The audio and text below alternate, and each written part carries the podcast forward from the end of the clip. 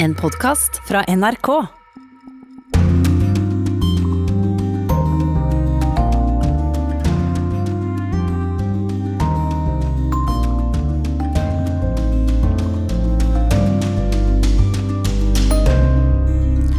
Land etter land stenger sine grenser. Hvordan takler verden viruset?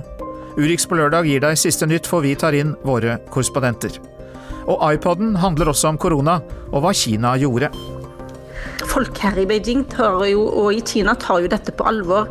En kaller det faktisk en krig mot viruset, og derfor så oppfører alle seg som eh, sånne små fotsoldater og forholder seg til reglene. Men du får også andre viktige utenriksnyheter, mye knyttet til Russland. Putin kan få sitte i 16 år til. 383 stemte for endringene. Ingen stemte imot. 43 avsto fra å stemme. Alt sammen unnagjort i løpet av en tirsdag og en onsdag, litt sånn ut av det blå. Denne uka startet rettssaken om nedskytingen av Malaysia Airlines-flyet over Ukraina i 2014. Den nederlandske aktoren mener aktiviteten til russisk sikkerhetstjeneste legger mørke skygger over hele rettssaken. Og til og med korrespondentbrevet er fra Moskva, men mest om hva man bør og ikke bør si til russiske kvinner. Her i studio, Øystein Heggen. Og vi hørte nettopp at Russland stenger sin grense til Norge. Om en knapp time stenger også Danmark sine grenser for alle utlendinger. Alle turister, alle reiser, alle ferier og alle utlendinger der ikke kan bevise at de har et anerkjennelsesverdig formål med å innreise til Danmark, de vil fremover bli avvist på den danske grense. Danmarks statsminister Mette Fredriksen og alle fergeforbindelser mellom Norge og Danmark opphører inntil videre. Bjørn Atle Illestad, du har mer informasjon om hvordan viruset takles i Norden. Ja, disse tiltakene i Danmark blir altså satt i verk klokka tolv om en liten eh, time. Alle ferjesamband mellom Norge og Danmark er stansa inntil videre. Men den danske statsministeren Mette Fredriksen sier det skal transporteres matvarer, medisiner og andre varer som er avgjørende for å holde industriproduksjon og samfunnet ellers i gang. Med disse tiltakene må landet regne med nærmest stenging av all normal aktivitet. All kollektiv persontrafikk med fly, ferje og tog blir stansa. Det betyr at alle arbeidspendlerne til Tyskland og Sverige må regne med lengre reisetid. Stenginga av grensene vil ta noe tid, og fullstendig lukking vil skje først om noen dager. Sverige har fått sitt andre dødsfall som eh, følge av koronasmitte. Ei 85 år gammel kvinne i Vestre Götaland-regionen er død etter å ha blitt smitta av koronaviruset. Begge de to døde i Sverige hadde underliggende sykdommer. Og vi gjentar, som du sa, at Russland stenger grensene mot både Norge og Polen for utenlandske statsborgere for å unngå spredning av koronaviruset. Takk skal du ha, Bjørn Atle Gjellestad. Og vi tar inn våre korrespondenter. Først til deg, Roger Severin Bruland i Berlin. Du var i Nord-Italia og dekket virusutbruddet for oss der. Hva er status der nå? Ja, Det ser ikke ut som at uh, smittetall, altså smitten vil gå ned. Og der er jo hele landet rett og slett uh, stengt uh, ned. Folk er bedt om å holde seg hjemme. Og dette her har jo pågått en tid. Den situasjonen jeg opplevde i Italia for to uker siden, er jo på mange måter den situasjonen vi ser i Norden nå. Hvordan fungerer da de harde tiltakene, for du sier det har jo ikke vært noen nedgang tydeligvis ennå? Altså, det er jo vanskelig å si. Det helsemyndighetene prøver å gjøre, er jo å flate ut smittekurven, slik at ikke så mange blir smitta samtidig. Men det en sier på eh, det anerkjente Robert Koch-instituttet i Berlin, er jo at eh, en må regne med at 60-70% av eh, befolkninga blir smitta av korona, men en må passe på at det ikke skjer samtidig, slik at helsevesenet blir overvelda og en ikke kan ta vare på alle. Du er i Berlin. Noen har spådd at Tyskland blir det neste Italia. Er det noe sannhet i den påstanden, tro? Altså Her har jo smittetallene gått fra null til er det vel 3500 på bare ja, noen uker. Eh, det har skjedd egentlig veldig lite. Nå skal eh, skolene i Berlin stenge på tirsdag. og Jeg snakka med naboen min som ikke skjønte det. Hvorfor skal elevene gå på skolen på mandag, og så skal de holde seg vekke på tirsdag? Ja, nei, Det var fordi at de skulle innom skolen og få lekser og, og, gjøre klart alt. Men, men, det er jo også litt det her eh, litt sånn absurde byråkrati demokratiet i Tyskland at, at ting En får ikke lekser på e-post, en må gå og, og, få det personlig. Og, og pga. et litt sånn tungvint byråkrati, mange delstater, mange meninger, f.eks. Bundesliga har jo stritta imot å, å utsette kamper. Nå de, ble de vel enige om det først i går. At det har tatt så lang tid å komme i gang med tiltakene, gjør vel det at eh, mange i Italia spår at, eh, at det kan komme veldig, en, en større krise i Tyskland. Men det gjenstår jo å se.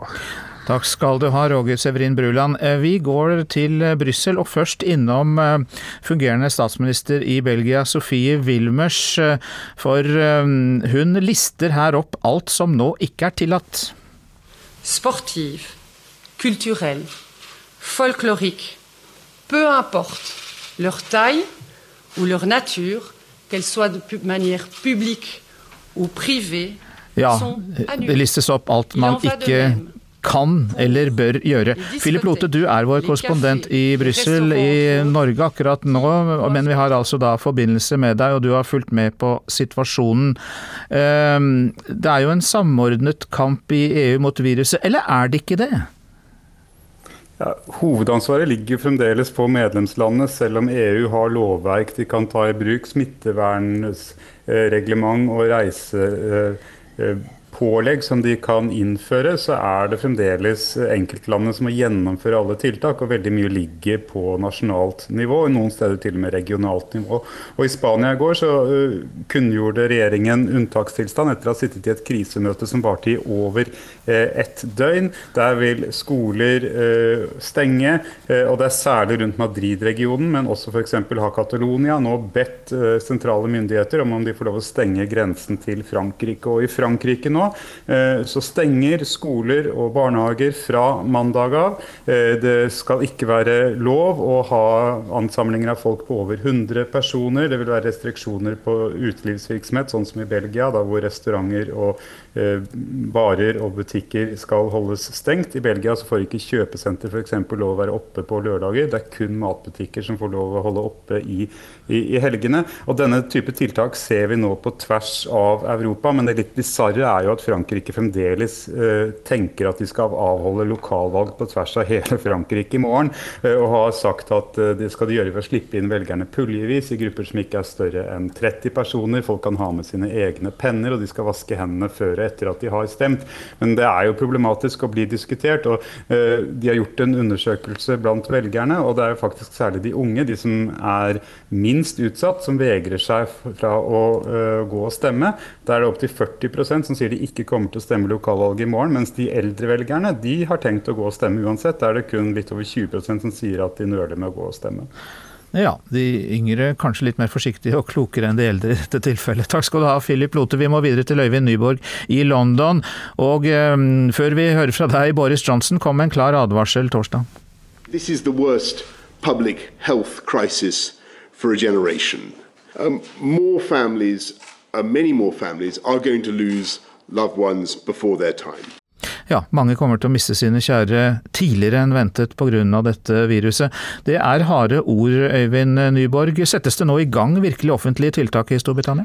Ja, Til tross for det Boris Johnson sa, så er jo eh, Storbritannia annerledeslandet i eh, Europa. Eh, bortsett fra hamstring av doruller, så går jo livet relativt normalt for seg her i Storbritannia. Premier League er utsatt, men det er ikke fordi man frykter spredning på tribunene, men fordi en del spillere og trenere er i karantene. Og så er borgermestervalget og lokalvalgene utsatt ett år.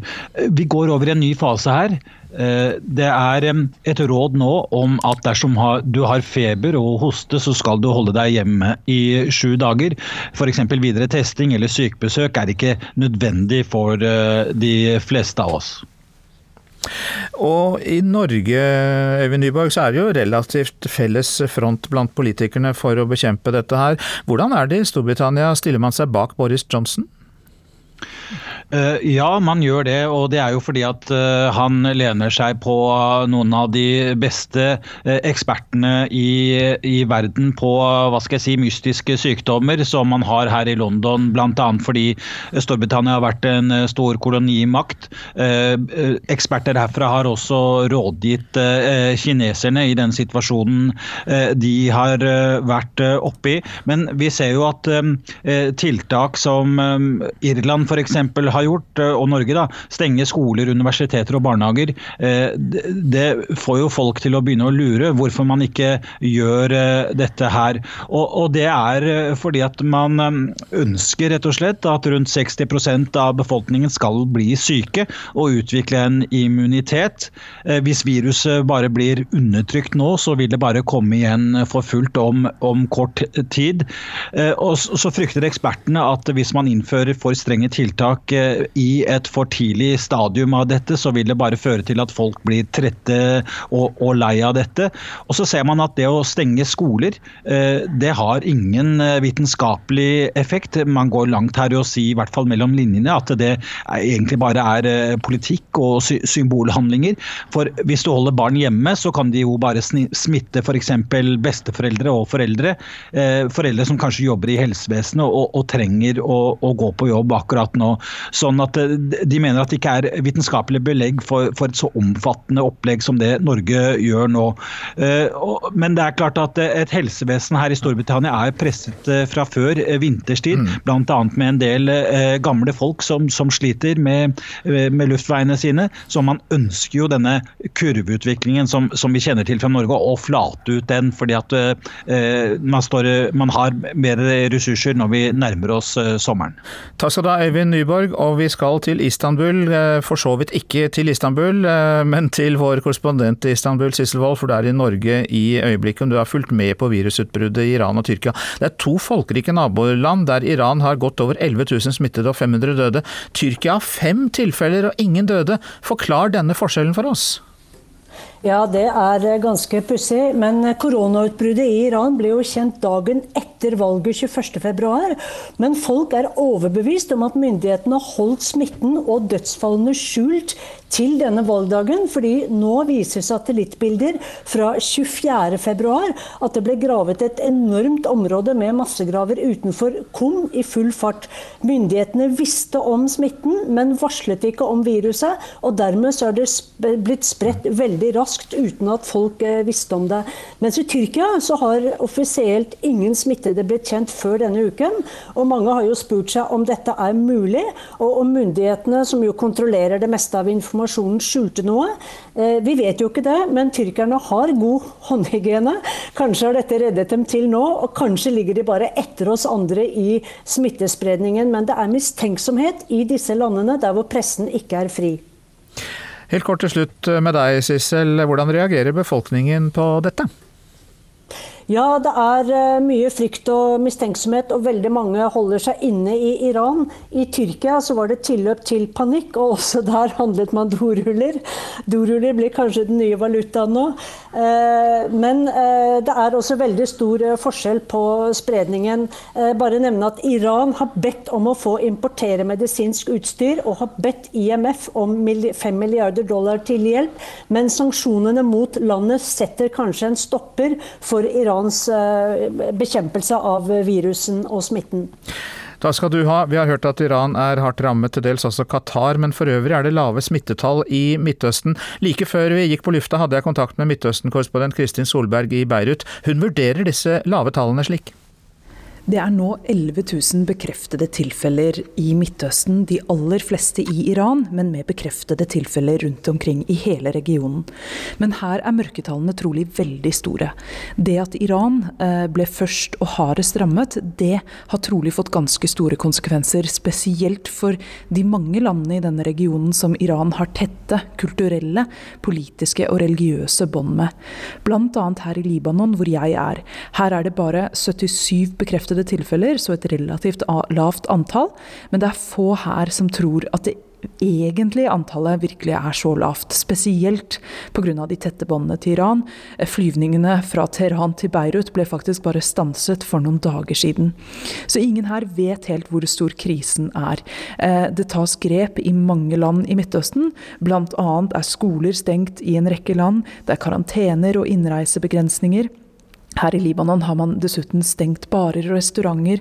Eh, folk har begynt å hamstre mat. Eh, for det er dyp bekymring omkring de offisielle tallene, og de fleste tror at det egentlige antallet er langt, langt høyere. Og til USA, der president Donald Trump har erklært nasjonal krisetilstand i kampen mot eh, koronaviruset. Presidenten er bedt om å teste seg selv, men har foreløpig ikke gjort det. Han har hatt kontakter, altså vært i kontakt med folk som burde tilsi at han burde teste seg. Eh, korrespondent Anders Magnus sa dette da han leverte en rapport til oss i natt. Trump kan absolutt ha blitt eksponert for viruset gjennom en pressesekretær som eh, Brasils president Jair Bolsonaro hadde med seg til Washington og Mar-a-Lago. Eh, men han har hittil eh, ikke villet la seg teste. Men på en pressekonferanse i går så sa han at han muligens skulle komme til å la seg teste. USA ligger jo lavt på statistikken over smittede av koronaviruset, sett da i forhold til folketallet. Eh, hva er forklaringen på det? Forklaringen på det er at det har vært så lite testing i eh, dette landet. I USA har det bare vært testet eh, litt over 13 000 inntil i går kveld. Og det er jo fryktelig lite i et land med 330 millioner innbyggere. Man har manglet rett og slett testesett. De første man utviklet, de var mislykket, de kunne ikke brukes. I forrige uke så lovet president Trump at det skulle komme fire til fem millioner nye testesett fra og med kommende mandag. I går sa han at det ikke kommer mer enn en halv million slike testesett. Så fortsatt kommer det til å være lave tall i USA, men det er ingen av helseekspertene her som tror at eh, det betyr at det er få som er smittet. Tvert imot. helsemyndigheten i Ohio, en delstat med litt over 10 millioner innbyggere, regner med at 1% av befolkningen er smittet, altså 100 000 bare i den delstaten. Og I går ble det kjent at eh, USA setter i verk omfattende tiltak mot eh, viruset. Og hvilke er det? De tiltakene som nå blir satt i verk i USA, er eh, mye medisinsk. Altså man satser selvfølgelig på å få økt testing. Og så har jo det blitt innskrenkinger på ansamlinger av folk i svært mange delstater. De fleste uh, har forbudt uh, ansamlinger med mer enn 500 mennesker. Noen steder med mer enn 250 mennesker av gangen.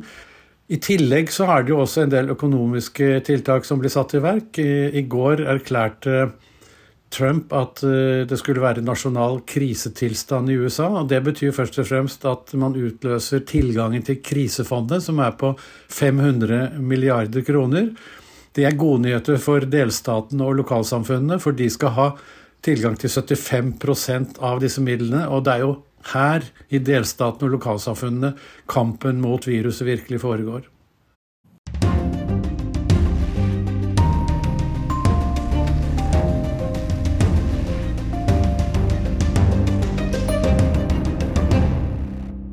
Du lytter til Urix på lørdag. Midt i alt eh, koronakaoset skjedde det noe ganske oppsiktsvekkende, ganske i det stille, på tirsdag og onsdag denne uka. Da vedtok den russiske nasjonalforsamlingen en lovendring som gjør det mulig for president Vladimir Putin å bli sittende til år 2036. Og dermed kan den russiske presidenten, som har hatt eh, makta i 20 år, allerede da, kanskje bli sittende til han blir 83 år gammel. Det er kveld på Den røde pass i Moskva, og alt ved dette kjente postkortmotivet virker rolig og ryddig. Vakkert og vanlig. Men i mørket under den enorme statuen av Vladimir den store, som styrte for 1000 år siden, står noen enslige demonstranter. Påskriften på plakatene deres er til den Vladimir som styrer i dag. Jeg har fått nok av Putin, står det på papplata som unge Alisha holder opp.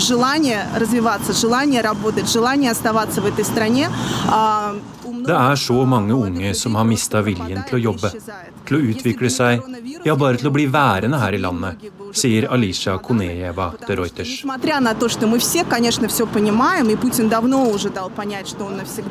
Det er lenge siden Putin lot oss forstå at han vil styre til evig tid. I dag sa han det for første gang, rett fram og uten skam.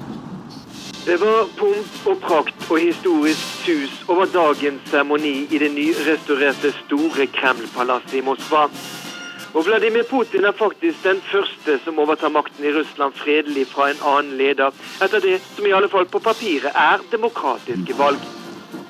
20 år har gått siden Vladimir Vladimirovitsj Putin med pomp og prakt ble tatt i ed som Russlands president for første gang. Maksimalt åtte år skulle han sitte. Men etter åtte år som president tok han fire år som statsminister, før han så kom tilbake som president, denne gangen for maksimalt to seksårsperioder. Og dermed skulle det vært slutt for godt og klart for noen andre fra 2024. Men det var altså før tirsdag og onsdag denne uka. Det var en viss Valentina Tereshkova som kom med forslaget. En gang i tida var hun den første kvinnen i verdensrommet. Nå er hun russisk parlamentsmedlem, og hennes forslag hørtes mer ut som tørr protokoll enn som pomp og prakt. Men i det hun sa, lå det stor politisk sprengkraft.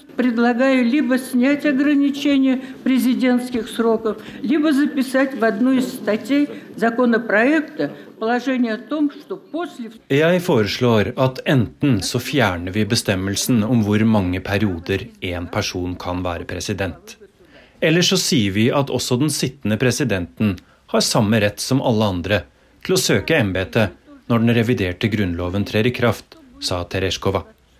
I praksis betyr det at Vladimir Putin etter fire presidentperioder kan starte på null igjen hvis han vil stille til valg i 2024.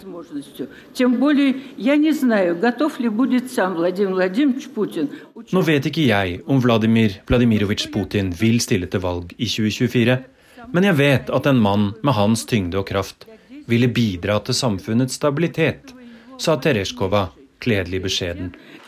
Og skulle du sett, sannelig dukka ikke president Putin opp ganske så kjapt for å fortelle nasjonalforsamlingen hva han sjøl syntes om forslaget.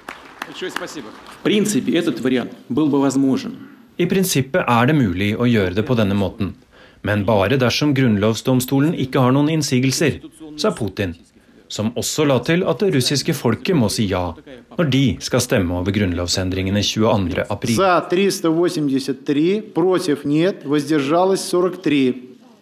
I nasjonalforsamlingen gikk det iallfall bra. 383 stemte for endringene. Ingen stemte imot. 43 avsto fra å stemme. Alt sammen unnagjort i løpet av en tirsdag og en onsdag, litt sånn ut av det blå. Og det var eh, Tore Moland som rapporterte, riktignok ikke fra Den røde plass i Moskva, må vi tilføye, men fra sitt hjemmekontor nå i disse koronatider, litt øst for Marienlyst et sted. Og velkommen til deg, Karen Anna Eggen. Takk. Du er forsker ved Institutt for forsvarsstudier, IFF, og vi skal få hjelp fra deg til å forklare disse grunnlovsendringene i Russland. Putin har jo snakket om behovet for et strengt vertikalt presidentstyre.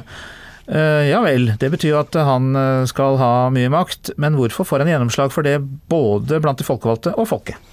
Ja, det er et uh, godt spørsmål, og som med mye andre, andre, saker her i verden, så har det vel uh, mange forklaringer. Men jeg tenker tre stikkord uh, her er stabilitet, kontinuitet og kontroll.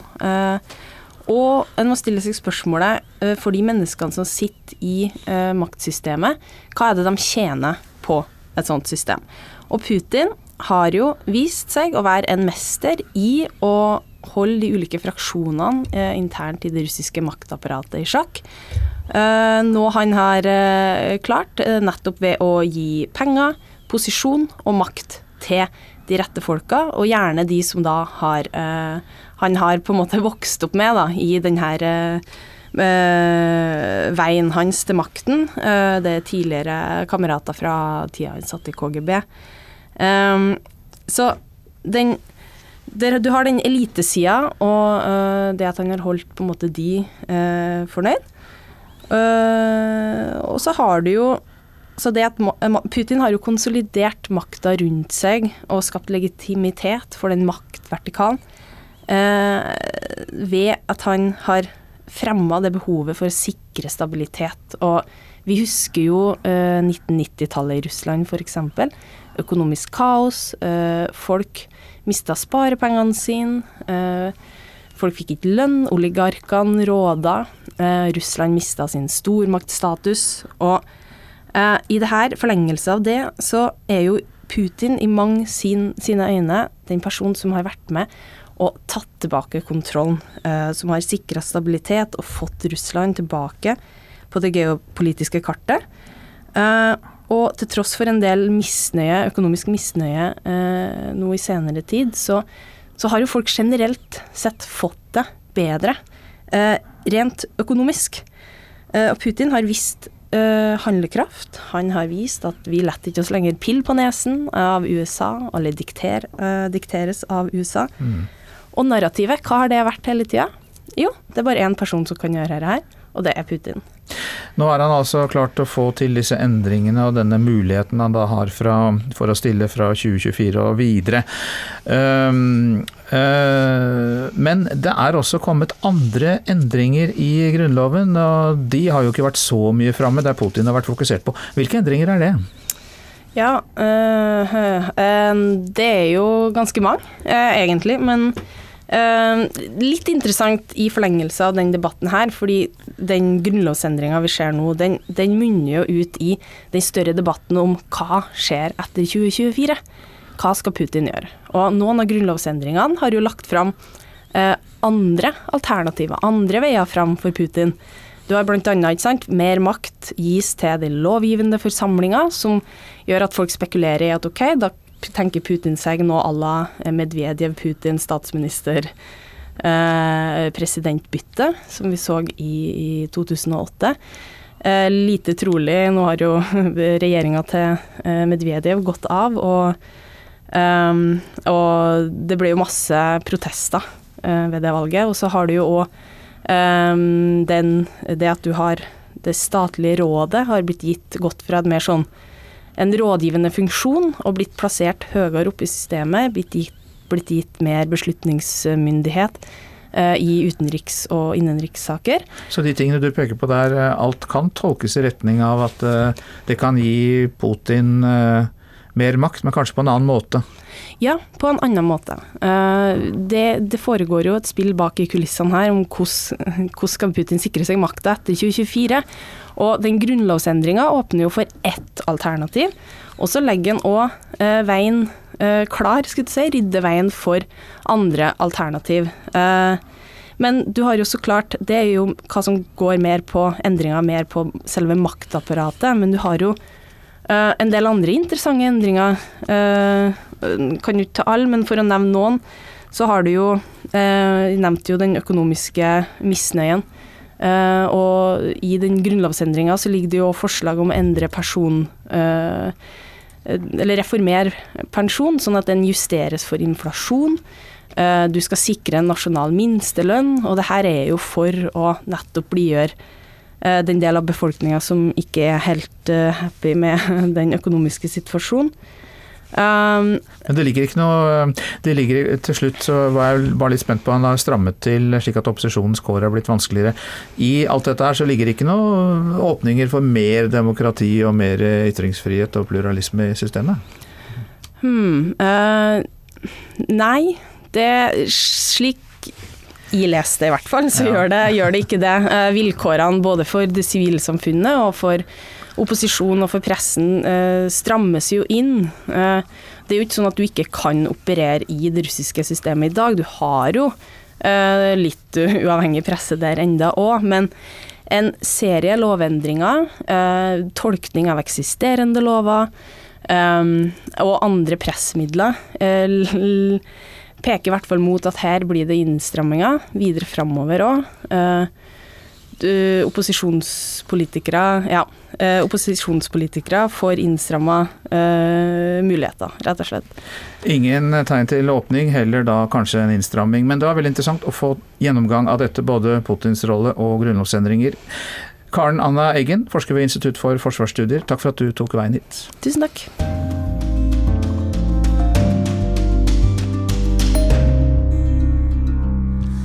Og siden vi er eh, i Russland, vi fortsetter. Korrespondentbrevet er fra Jan Espen Kruse i Moskva. Sist helg var en ganske kaotisk affære i Russland, spesielt for den mannlige delen av befolkningen. I dagene som leder opp til 8. mars må mennene i dette landet gjennom en omfattende hinderløype som består av diverse innkjøp. Det er snakk om konfekt, champagne og blomster som et minimum. Den som ikke har planlagt godt på forhånd, kan fort ende opp med veldig mange timer i endeløse køer. Både på arbeidsplasser og i hjemmene forventer russiske kvinner spesialbehandling denne dagen. Det blir sagt at dette er den eneste dagen i året at russiske menn virkelig gjør en innsats hjemme. Tidligere var det vanlig at mannlige kollegaer lagde hele forestillinger på arbeidsplassene, med spesiallagde dikt, taler og sanger.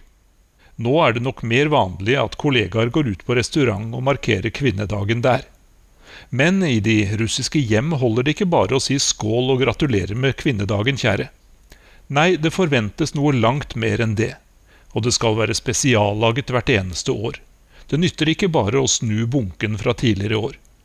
Det mannen sier må være sånn noenlunde intelligent, og det må inneholde humor og varme.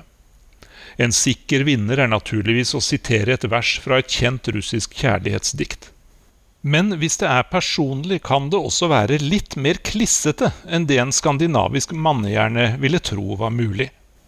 Her er et eksempel som jeg har brukt med hell i litt forskjellige varianter. Min kjære, for meg er du som den mest lysende stjernen på nattehimmelen. Du er den suverent vakreste, og jeg kan ikke gjøre annet enn å følge etter deg, slik jeg har gjort helt siden vi møttes første gang. Eller en annen vri. Min kjære, jeg ønsker at du i året som kommer får oppleve masse kjærlighet. Med meg, naturligvis.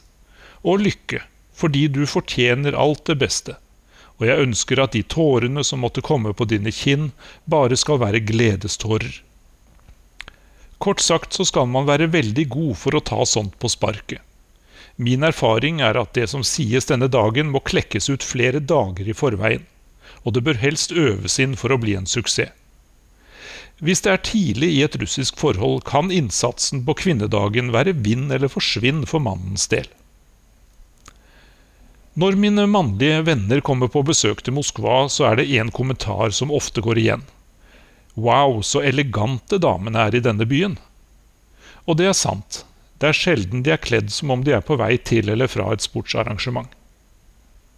De legger mye større vekt på å framheve det feminine enn det som er vanlig i de nordiske land. En av mine naboer er i den kategorien. Hun arbeider tydeligvis i ledelsen i et viktig selskap, for hver dag frakter en stor, svart bil henne til og fra jobb. Og det er min påstand at uten de russiske kvinnenes ansvarsfølelse, så hadde mesteparten av virksomheten i dette landet rett og slett stanset av seg selv. President Vladimir Putin pleier å si i sin årlige hilsen til landets kvinner at de klarer alt. De arbeider som regel i full stilling, de oppdrar barna, de tar ansvaret for det som skal gjøres hjemme, Russiske kvinner er rett og slett unike, sier landets leder. Det er naturligvis riktig å hylle kvinnene, men det er vel også et lite spørsmål om hva mennene gjør eller ikke gjør. Med nye generasjoner skjer det en endring her også, men tradisjonelt har mannens rolle ofte vært mest formelt viktig. Ordet for å være en gift kvinne på russisk betyr direkte oversatt å stå bak mannen. Det skapes et inntrykk av at mannen er hovedpersonen, noe som svært ofte er direkte feil. Det er som regel de russiske kvinnene som tar ansvar og avgjørelser i viktige saker, og de gjør det med den største selvfølge. Det kan naturligvis være litt irriterende når de ikke engang informerer mannen om hvilke avgjørelser de har tatt, og hvilke planer de har lagt, men det gir jo ofte mennene en mulighet til å surre rundt med sine mindre viktige saker. Markeringen av kvinnedagen i Russland er kjemisk renset for demonstrasjonstog og krav om bedre rettigheter for denne halvdelen av befolkningen. Alt er bare kos, hygge og uten brodd. Og fraværet av politikk og kamp er vel en av grunnene til at russiske kvinner sitter med hovedansvaret for både arbeid, familie og hjem. I tillegg til at de i gjennomsnitt tjener 30% mindre enn russiske menn. Og så er de underrepresentert i viktige politiske organer. Så de russiske kvinnene de har litt å kjempe for. En arv fra Sovjetunionen er at Russland har en befolkning med ganske høy utdannelse. Også en stor andel av kvinnene har høyere utdanning. Helsevesenet, lærestanden og vitenskapen er noen områder der kvinnene er sterkt representert. I mange andre store land jeg har besøkt, er ofte folk opptatt av seg og sitt, og ikke så opptatt av internasjonale forhold. I Russland er det ofte annerledes, og også russiske kvinner er nysgjerrige når de hører at jeg er fra Norge. Det de mener å vite om norske forhold, stemmer ikke alltid med min egen erfaring, men det er som regel mulig å få i gang en interessant meningsutveksling. Også om politikk men et godt råd er å holde seg unna Russlands annektering av Krimhalvøya i 2014. Det norske synspunktet om denne saken gir ikke mange poeng på russisk side, og vil garantert ikke føre til en romantisk kveld hvis det skulle være målet.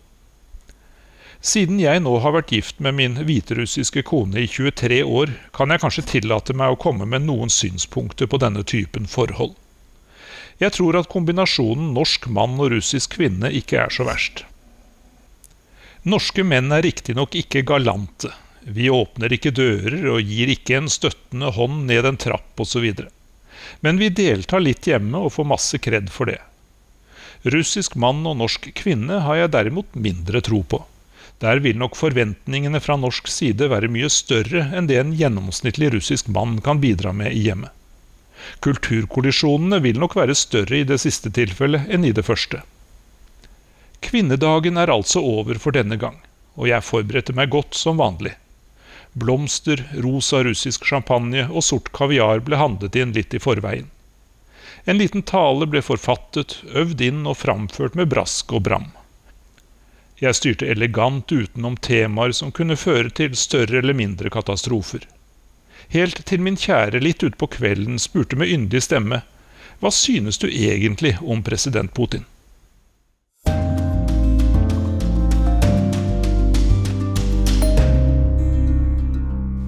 Her i Urix mer om koronaviruset som preger hele vår hverdag nå.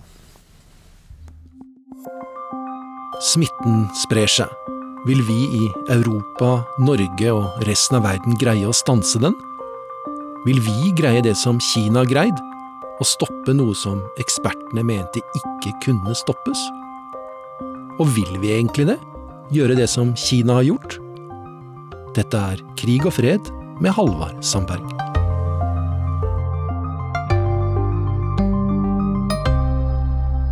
Det har vært en helt enorm innsats fra både myndighetenes side, men òg fra folk flest, på at eh, de skal komme over eh, dette viruset.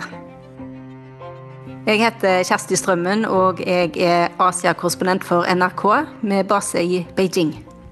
Kjersti, du dro fra Norge og er nå i Beijing. Du dro fra Norge nå for eh, tre-fire dager siden. Føler du at du har vunnet gulloddet, eller? Ja, på mange måter gjør jeg det, for det virker jo ikke som om nordmenn tar dette her helt på alvor. Så eh, her i Kina har det jo vært en, eh, en massiv eh, kamp mot dette viruset, og det ser ut til å gi resultater, og tallene går nedover. Det er veldig betryggende for oss som bor her. Mens i Norge er det jo andre veien det går. Og nå er du i karantene fordi at du kom fra Norge? Ja, jeg var bare en veldig kort tur hjemom. Eh, og hadde vel kanskje håpt at når jeg kom tilbake til Beijing, så ville jeg kunne unngå karantene, fordi Norge fremdeles ikke hadde så mange smittetilfeller. Og Kina har jo en liste over land, eller Beijing har en liste over land eh, som de vil verne seg mot. Men eh, så har det jo vært såpass hissig utvikling i Norge at når jeg da blir bedt om å sette meg i karantene fordi de ikke vil ta noen sjanser, så må jeg bare forholde meg til det. Så nå eh, er det 14 dager eh, uten at vi får lov å gå på butikken eller gå ut forbi huset. Så har de sagt, de som styrer dette lille området der jeg bor i, at de skal gå og handle for oss. Tror du at du er tryggere i Kina når det gjelder sånn virusgreiene enn du i, ville vært i Norge? Ja, det tror jeg faktisk, sånn som situasjonen er nå. Eh, nå har det jo vært en lang eh, vei å gå her i Kina òg. Det begynte jo 23. Men uh, i og med at de har isolert uh, så store deler av landet, så føler jeg meg ganske trygg på at her i Beijing, hvor det hele veien har vært få tilfeller, vel 423 eller der omkring, det har vært siden det begynte i januar, og så til sammen åtte døde. Og til å være en by på 21 millioner innbyggere, så er jo ikke det så mye.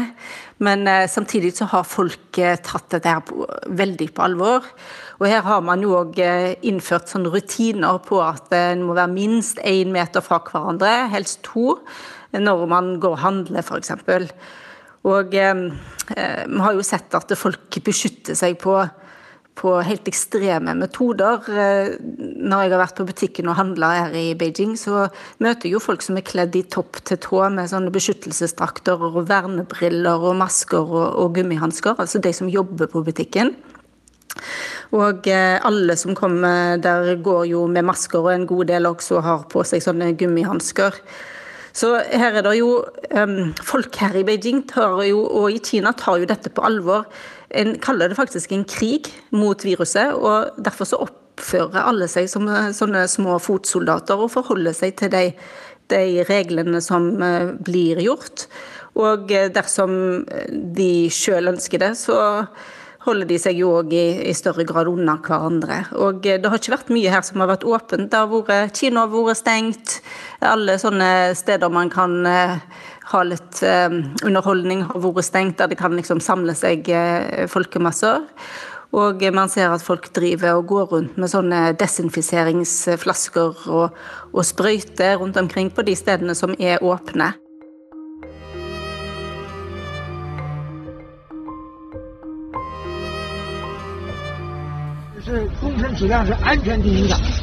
Det du hører den kinesiske statsministeren Li Keqiang holde tale til en gruppe leger og sykepleiere i byen Wuhan. Dette er sentrum av utbruddet. Hold dere friske og beskytt deres egne liv, sier statsministeren. Befolkningen er avhengig av dere. Vi vil arbeide hardt, er svaret Li får. Dette er noe som jeg selv lagde. Det er fra programmet Urix på lørdag. Det ble sendt 1. februar. Og 1. februar var den dagen hvor tallene viser at smitten nådde toppunktet i Kina. Etter den dagen så gikk det nedover, og ganske så bratt nedover. Nei, folk skal ikke tenke selv. Folk skal gjøre som staten sier. Og da kan det bli veldig vanskelig, særlig hvis en sak får sånne dimensjoner som koronaviruset har fått i Kina. Ja, jeg er Gerald Folkvart, politisk rådgiver i Amnesty International, og arbeider bl.a. med menneskerettigheter i Kina. Gerald, her i Norge så bestemmer folk seg for at eh, de skal gå på treningsstudio selv om de er i karantene. Det skjer ikke i Kina fordi myndighetene har sagt til dem at du skal holde deg inne. Er ikke det bra? Det at kineserne har blitt vant til å gjøre som staten sier, det er jo selvfølgelig ikke alltid gærent. Og eh, det fører jo til at eh, folk eh, gjør ikke dumme ting, rett og slett fordi staten sier du skal ikke gjøre dette her. Problemet er at mange av disse beskjedene er heller ikke så veldig reflekterte. Og det å frata folk muligheten til å ta sine egne beslutninger, det undergraver både muligheter til å løse problemet, fordi åpenbart myndighetsapparatet alene kan ikke løse den type saker. Um, og det skaper også frykt og bekymring, og ikke minst fører det jo til at veldig mange går i dekning. Og Det er også noe vi har sett gang på gang med helsekriser i Kina. Og det går tilbake til da hiv begynte å spre seg i Kina, hvor det første man gjorde var ekstreme tiltak. Altså Det første man gjorde, var å kaste de i fengsel som snakket om det. Det neste man gjorde, var ekstreme tiltak mot alle de som var hiv-smittet, fordi man hadde lite kunnskap, man var veldig bekymret. Og det førte jo til at veldig veldig mange ikke gikk til myndighetene, og hiv spredde seg veldig mye fortere. Og Det er altså noe som mange leger i Kina ofte har advart mot. Vi må få folk til å være ansvarlige, til å være fornuftige. Um, vi, vi kan ikke formidle et inntrykk Hvis du sier ifra, så er du i trøbbel. Eh, da tar de deg, fordi da melder ikke folk seg. Men det ser ut som folk har meldt seg nå i hopetall. Det ble satt opp sånn feberklinikker, og folk liksom Føler du deg litt dårlig, skal du dit? Da kom alle, nesten. Ja, ja, det er klart. Altså, hvis du er litt sånn Hvis du får formidlet nå er du i livsfare, så har du ikke mye valg. Og for eksempel, altså da en liten gruppe leger skjønte her var det noe i gang i slutten av desember, og begynte å snakke med hverandre, faktisk, på, på, på WeChat, som er den mest populære kinesiske eh, kanalen for, for å utveksle meldinger. Eh, her er det noe som ligner på SARS, men er mye mer aggressiv, og jeg, vi vet ikke helt hva det er for noe. Eh, så ble det umiddelbart satt inn sensurtiltak lenge før myndighetene faktisk, eller i hvert fall flere dager før myndighetene faktisk satte seg inn i det helsemessige. Um, og så, en av de første tingene som ble sensurert, var navnet på det sjømatsenteret hvor dette hadde oppstått. Det ble bare fjernet hvis noen snakker om det. Som betyr i praksis at folk ikke kunne bli advart mot det stedet der hele viruset dukket opp for første gang. Og det er sånne ting hvor sensuren kan ha ganske alvorlige konsekvenser. Så det kan virke som eh, det kinesiske samfunnet først gjorde dette skikkelig ille fordi at de holdt det skjult. Og så eh, gjorde folk hva staten sa, og så holdt alle seg innendørs, og så løste de det. Slik at det er to sider av eh, et system. For det første vil jeg ikke snakke om det kinesiske samfunnet, det er myndighetene som, som driver med denne synsyn. Og det jeg ofte ser, og jeg har jobbet med Kina i flere tiår, er jo at uh, jeg tenker ofte hvor fantastiske ting dette, dette, samfunnet kunne prestert hvis de bare hadde fått litt mer frihet. Og det, det har jo, altså At man da begynte å gi til mer økonomisk handlingsrom, hvordan folket klarte å bli til et av verdens største økonomiske makter. Det var ikke myndighetene som har gjort, det var folket som har gjort. Og så uh, dette systemet som holder jo også hele tiden folk tilbake. Det er klart at hvis det, hvis det skal ekstreme tiltak til, så uh, må myndighetene få ganske store fullmakter. Og Det er også viktig å si at Eh, det er ikke et menneskerettighetsbrudd å sette folk i karantene. Det er ikke et menneskerettighetsbrudd å vedta portforbud og den type ting. fordi hvis det er en krisesituasjon, så har staten rett, og faktisk også plikt, til å sette ganske mange menneskerettigheter litt til side, og si nei, vi kan nå, vi må nå begrense bevegelsesfriheten. Man kan til og med begrense til en viss grad spredning av informasjon men det må alltid være begrunnet i at dette er nå nødvendig for å ta vare på samfunnets sikkerhet. Det kan aldri være begrunnet i å beskytte sin egen makt.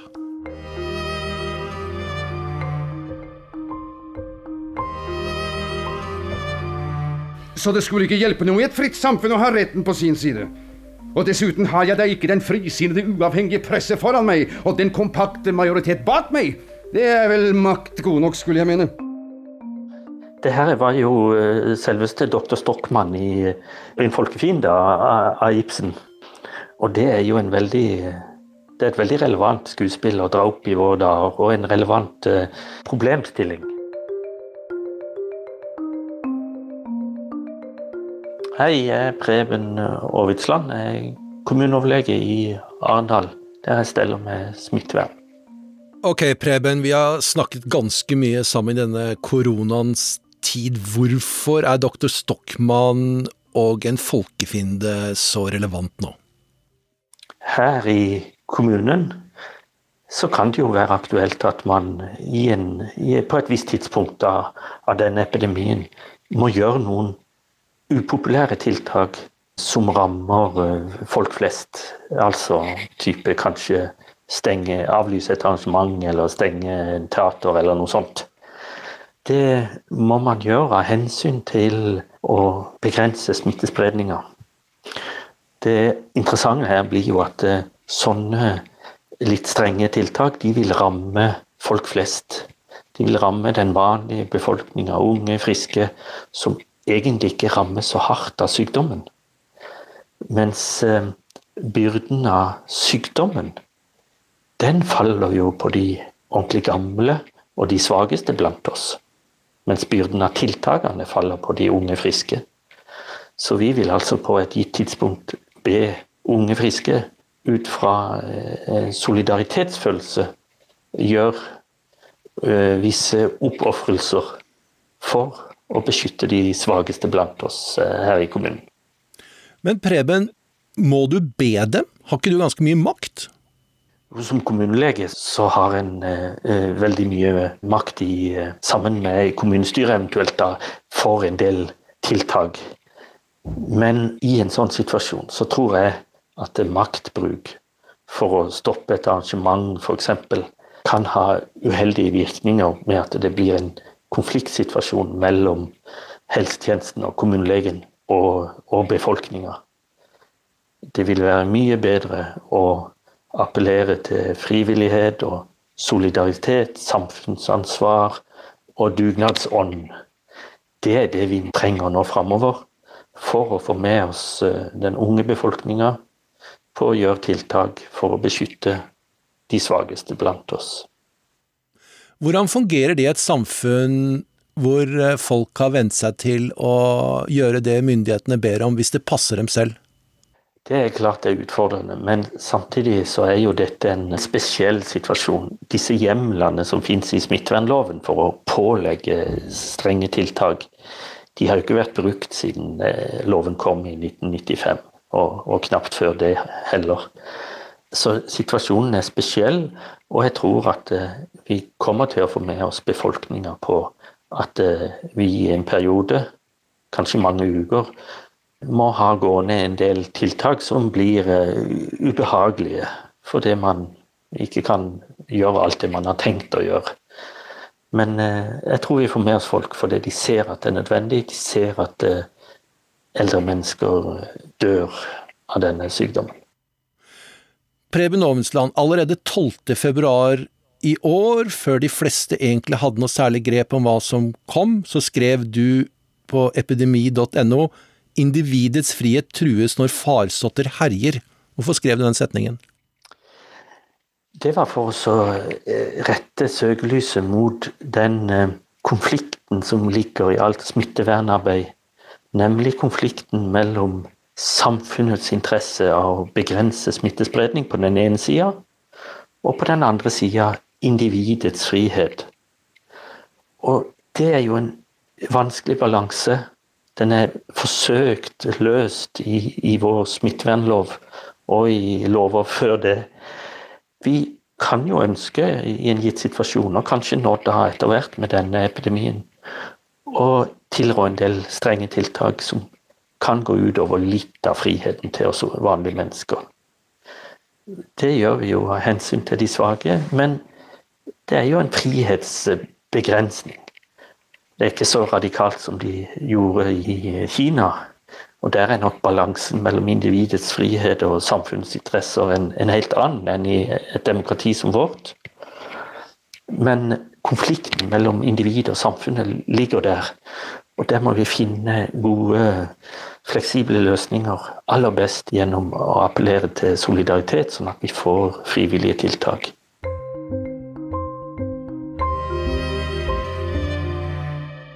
Kjersti Virker det som eh, kineserne er litt stolte over det de har fått til nå? Her i Beijing syns jeg absolutt at det virker som om de er stolt over at de klarer å gjøre denne enorme kraftangrepet mot viruset.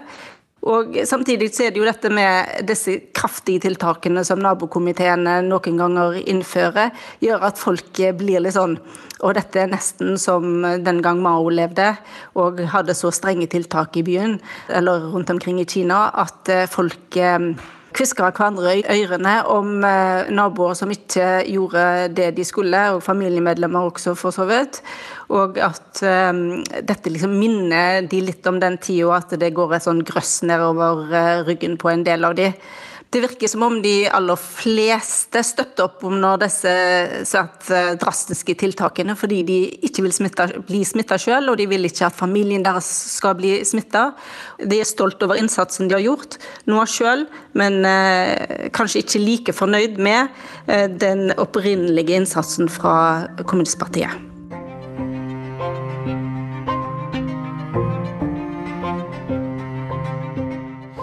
Altså Forskjellen mellom, mellom Mao og Xi Jinping uh, er jo Det er veldig mange forskjeller mellom de to. Og heldigvis for kineserne, vil jeg si. Men uh, Xi Jinping lytter jo til eksperter. Xi Jinping er ikke en leder som mener han selv vet alt best. Um, og det er og det er i dette tilfellet relativt bedre. Um, fordi uh, poenget er jo at de som har politisk makt i Kina, de kan bestemme hva som er riktig og galt og de velger selv om de vil lytte til eksperter eller ikke. Og det Mao ikke gjorde, var å lytte til eksperter, fordi han, skulle, han hadde sin visjon. Uh, kinesiske myndigheter i dag har selvfølgelig lært veldig mye av det. De lytter til eksperter, og landet har noen av verdens beste eksperter nesten i hvilket som helst vitenskapelig område, inkludert i medisin. Men allikevel er det jo Det er ikke bare ekspertene som hele tiden vet hvordan man skal leve livet på best mulig måte. Det er jo folk som vet det. Um, og det er jo de landene som er mest vellykket, hvor folk har fått mest lov til å delta i samfunnet. Også hvis et samfunn er i stand til å takle helsemessige utfordringer, så er det jo samfunn hvor folk kan delta i problemløsningen, og ikke minst få lov til å si ifra når noe går galt.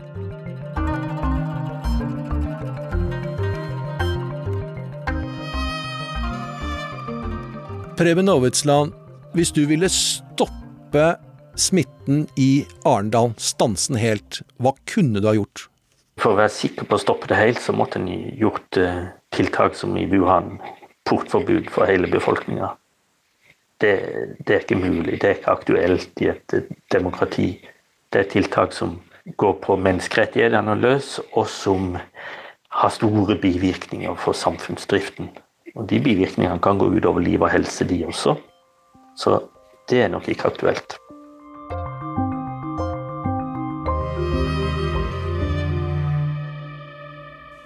Du har hørt på Krig og fred. Lydregi var ved Hilde Tosterud.